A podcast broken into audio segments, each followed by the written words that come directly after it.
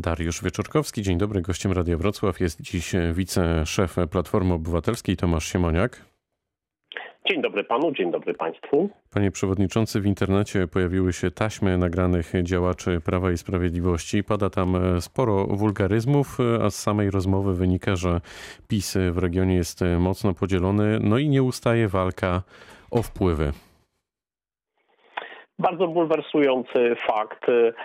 Z tego materiału wynika, że te rozmowy się odbywają w ogóle w jednej ze spółek Skarbu Państwa, gdzie zostali zatrudnieni ci działacze PiSu. No, y, bardzo bulwersująca sprawa, pokazująca, że y, taka choroba władzy bardzo głęboko dopadła PiS już y, na poziomie lokalnym, też wałbrzyskim. No wcześniej pamiętamy bulwersująca afera PCK, a teraz y, no, brutalne porachunki i ja pamiętam różne nagrania z polskiej polityki. No chociażby z y, Platformy no, Obywatelskiej wychorowaliście tak dokładnie na tę samą chorobę, tak, mam wrażenie. ale nie przypominam sobie, żeby kiedykolwiek jeden działacz groził drugiemu to jest e, przekroczenie jednak pewnej granicy i spodziewam się, że liderzy PiSu powinni e, ostro na to zareagować. Jednak my na wszystkie tego rodzaju, też zresztą przecież z Wałbrzycha były takie, takie sprawy, e, bardzo ostro władze Platformy reagowały i spodziewam się, czy liczę na to, że też tutaj zapadną jakieś e, twarde decyzje. Z tego, co mi wiadomo, I... wejdę w słowo, panie przewodniczący, to taśmy w ogóle zostały nagrane, one powstały kilka miesięcy temu, dopiero teraz zostały opublikowane a bohaterowie tych taśm, nie wszyscy, ale część z nich zostali już wykluczeni e, z klubu. Tak, tak czy inaczej, wcześniej słyszeliśmy taśmy z udziałem polityków Platformy. Ja się tak, wie pan, zastanawiam, czy to już jest jakaś taka moda, że politycy się wzajemnie nagrywają, że polska klasa polityczna w dużym stopniu, no chyba pozwolę sobie na taką ocenę, charakteryzuje się jednak brakiem klasy. Niestety, no ale to też przecież dotyczy biznesu. Wiele było afer i, i taśm też związanych e, z działalnością biznesową. Oczywiście to e, dowodzi upadku e, wszelkich zasad, jeżeli bez uprzedzenia kogoś się nagrywa, nie jest to działanie, które jest jakimś działaniem E, mającym państwowy mandat, tak no przecież służby, policja wykorzystują tego rodzaju techniki. Natomiast e, dla mnie e, bulwersujące jest to, że Gołym okiem to w Wałbrzychu bardzo dokładnie wszyscy widzą. Trwa e, brutalna walka e, różnych frakcji. E, ta walka się przenosi na różne spółki, które są we władaniu Skarbu Państwa, bo albo jedni obsadzają, albo drudzy. I uważam, że to nie jest tak, że to jest jakieś kolejne nagranie i teraz wszyscy załammy ręce nad złymi politykami, tylko pokazuje to, że choroba zaszła bardzo daleko i mamy tam groźby. I tak naprawdę prokuratura powinna się tą sprawą zająć, bo e, nigdy nie może być tak, że ktoś do kogoś pomija wulgaryzmy, bulwersujące, mówi zniszczę cię, będziesz zniszczony. E, to są rzeczy e, bardzo niepokojące i jeżeli e, Jarosław Kaczyński, odwołam się tutaj do, do prezesa PiSu, nie położy temu tamy i to nie będzie na zasadzie, że ktoś jest zawieszony, a ktoś z jednej spółki przejdzie do drugiej, to takie rzeczy wysadzą w powietrze PiS, tak jak Platforma zapłaciła ogromną cenę za podsłuchane rozmowy. A tak jak wcześniej jeszcze chociażby Lewica tak, których absolutnie nie zbliżały się do tego, że ktoś komuś y, w czymkolwiek groził. Chociaż tu już były... oceniają to wszystko wyborcy. Panie Przewodniczący, pędzimy dalej, bo, bo nie będziemy o tych taśmach e, rozmawiać e, tyle czasu. Czy Pana zdaniem weto prezydenta Andrzeja Dudy w sprawie ustawy działowej jest e, początkiem zmiany prezydentury w drugiej kadencji? Czy prezydent między wierszami chce coś komuś przekazać? To jest jeden fakt. Y, na razie tak naprawdę od sierpnia, od zaprzysiężenia, ta druga kadencja była kompletnie bez wyrazu. Prezydent Duda nie umiał znaleźć, y, y, zwłaszcza w tym okresie pandemii, pewnie jakiejś właściwej ścieżki działania. Nie potrafię powiedzieć, czy to jest. Też przecież wetował różne rzeczy w poprzedniej kadencji.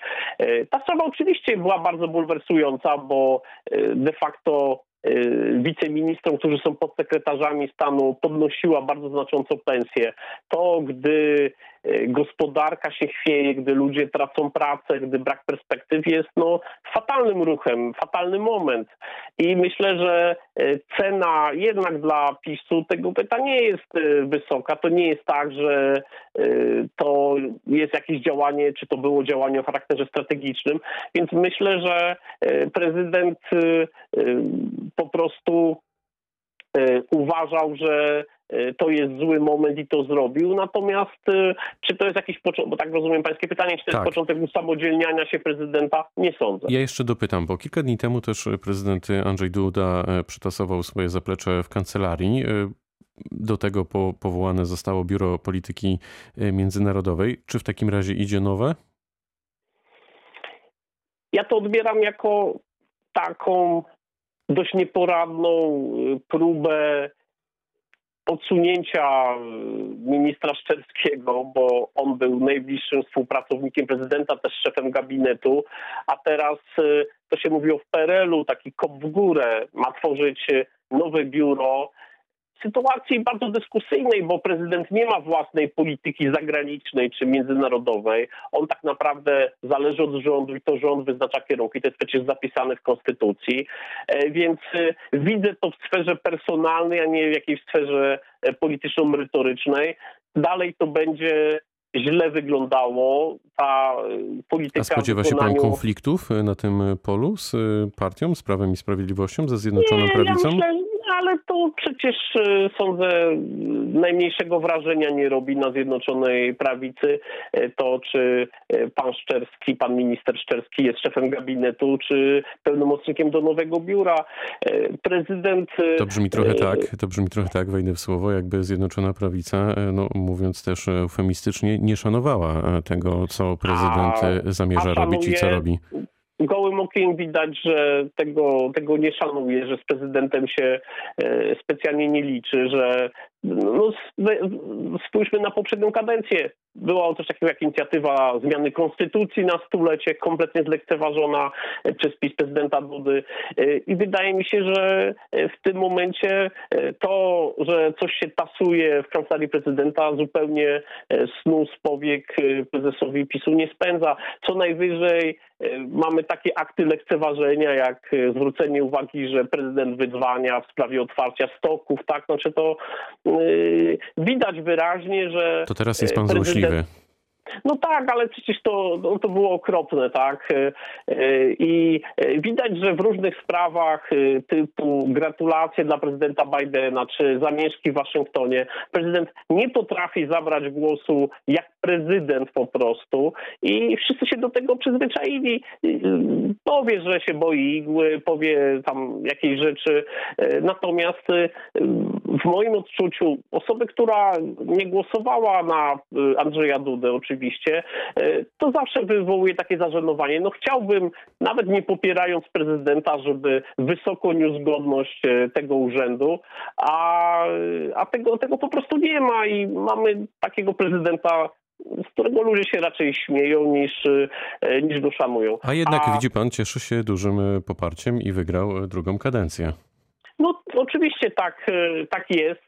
Natomiast e, rozmawiam z różnymi osobami, które głosowały dwukrotnie na Andrzeja Dudę i zapewniam pana redaktora i słuchaczy, że po tym pół roku żadnej satysfakcji e, z tego nie mają. Nie znaczy to, żeby głosowały na innego kandydata, ale jest ogromne rozczarowanie, bo to jest bardzo ważny urząd, nawet nie w sensie kompetencji, choć pewnie w pewnych obszarach też, ale w sensie pewnego przywództwa, pewnej jakości działania, pewnego formułowania wizji, jednoczenia ludzi, pracy, żeby te podziały były mniejsze. Nic z tego Andrzej Duda nie robi i, i mówię, to wszyscy, wszyscy na tym cierpimy, nawet ci, którzy na niego nie głosowali.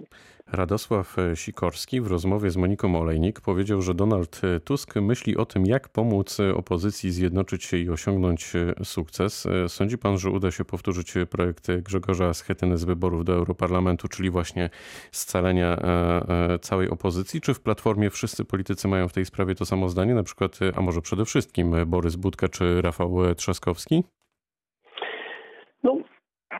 Nie znam żadnej wypowiedzi nikogo z Platformy, który by nie był za współpracą opozycji, e, pracą na rzecz e, wspólnej listy w przyszłości, więc e, to, co mówi Donald Tusk, a ma ogromne doświadczenie polityczne, też patrzy na inne kraje od pięciu lat bardzo uważnie, więc te mechanizmy polityczne są podobne tu na pewno mamy taką samą opinię. Oczywiście.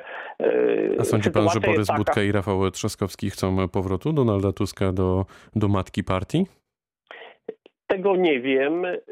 Sam e, wyjechał za granicę, objął bardzo wysokie funkcje.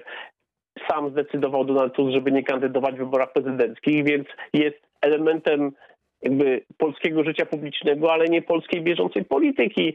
I nie potrafię ocenić, e, czy będą takie okoliczności, w których e, będzie do tej polityki wracał polskiej. Natomiast e, obserwuję, co robi i widzę jego ogromne zainteresowanie czy ogromną wrażliwość na polskie sprawy. Trudno się zresztą dziwić. Jest Polakiem, był premierem, był politykiem, był działaczem opozycji za czasów PRL-u ale y, kreślenie jakiegoś scenariusza politycznego i co kto na to powie, myślę, jest absolutnie w tym momencie y, przedwczesne. To sam Donald Tusk y, musiałby się określić i e, wtedy trzeba szukać miejsca dla niego. Przypomnę, że bardzo poważnie w Platformie rozważaliśmy jego kandydaturę w wyborach prezydenckich. Dopiero on powiedział, że nie będzie kandydował i wtedy zdecydowaliśmy, że najpierw Małgorzata Kidawa-Błońska, a potem Rafał Trzaskowski no, reprezentowali e, nas w tych wyborach prezydenckich, więc e, Donald Tusk zawsze jest taką osobą, o której myślimy. Ale widzi pan, to, to, to wejdę w słowo, bo, bo, bo to dobrze, że pan porusza ten wątek. Pamiętamy, jak Donald Tusk rozważał e, walkę o prezydenturę, ale sam wtedy powiedział, że raczej jest osłabieniem Koalicji Obywatelskiej i Platformy Obywatelskiej. Czy coś się w takim razie zmieniło? Czy były premier jest w takim razie w pana ocenie wzmocnieniem czy osłabieniem Platformy? Znaczy ja i wtedy i teraz bym się z nim nie zgodził. Nie jest nigdy osłabieniem. To, że jest e, skromny w ocenie tutaj swoich możliwości i też taki samokrytyczny, zdaje sobie sprawę z tego, jakie emocje e, w Polsce budzi, ma tutaj e, z mojego punktu widzenia znakomitą kartę zapisaną, ale pewnie są ludzie, którzy to oceniają odmiennie, więc ja sądzę, że zawsze Donald Tusk e, dodaje Polsce, polskiej polityce, opozycji Platformy Obywatelskiej. Pytanie miało miejsce, pytanie e, o sposób e, działania.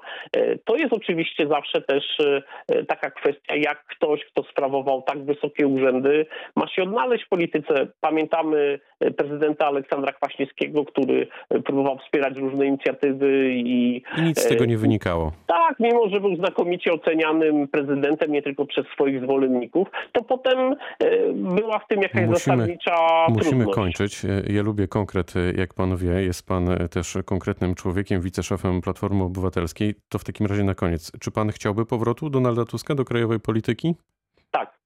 No i to jest konkret. Wiceszef Platformy Obywatelskiej Tomasz Siemoniak był gościem rozmowy Dnia Radia Wrocław. Bardzo dziękuję za spotkanie. Dziękuję. Pytał Dariusz Wyczorkowski. Dobrego dnia.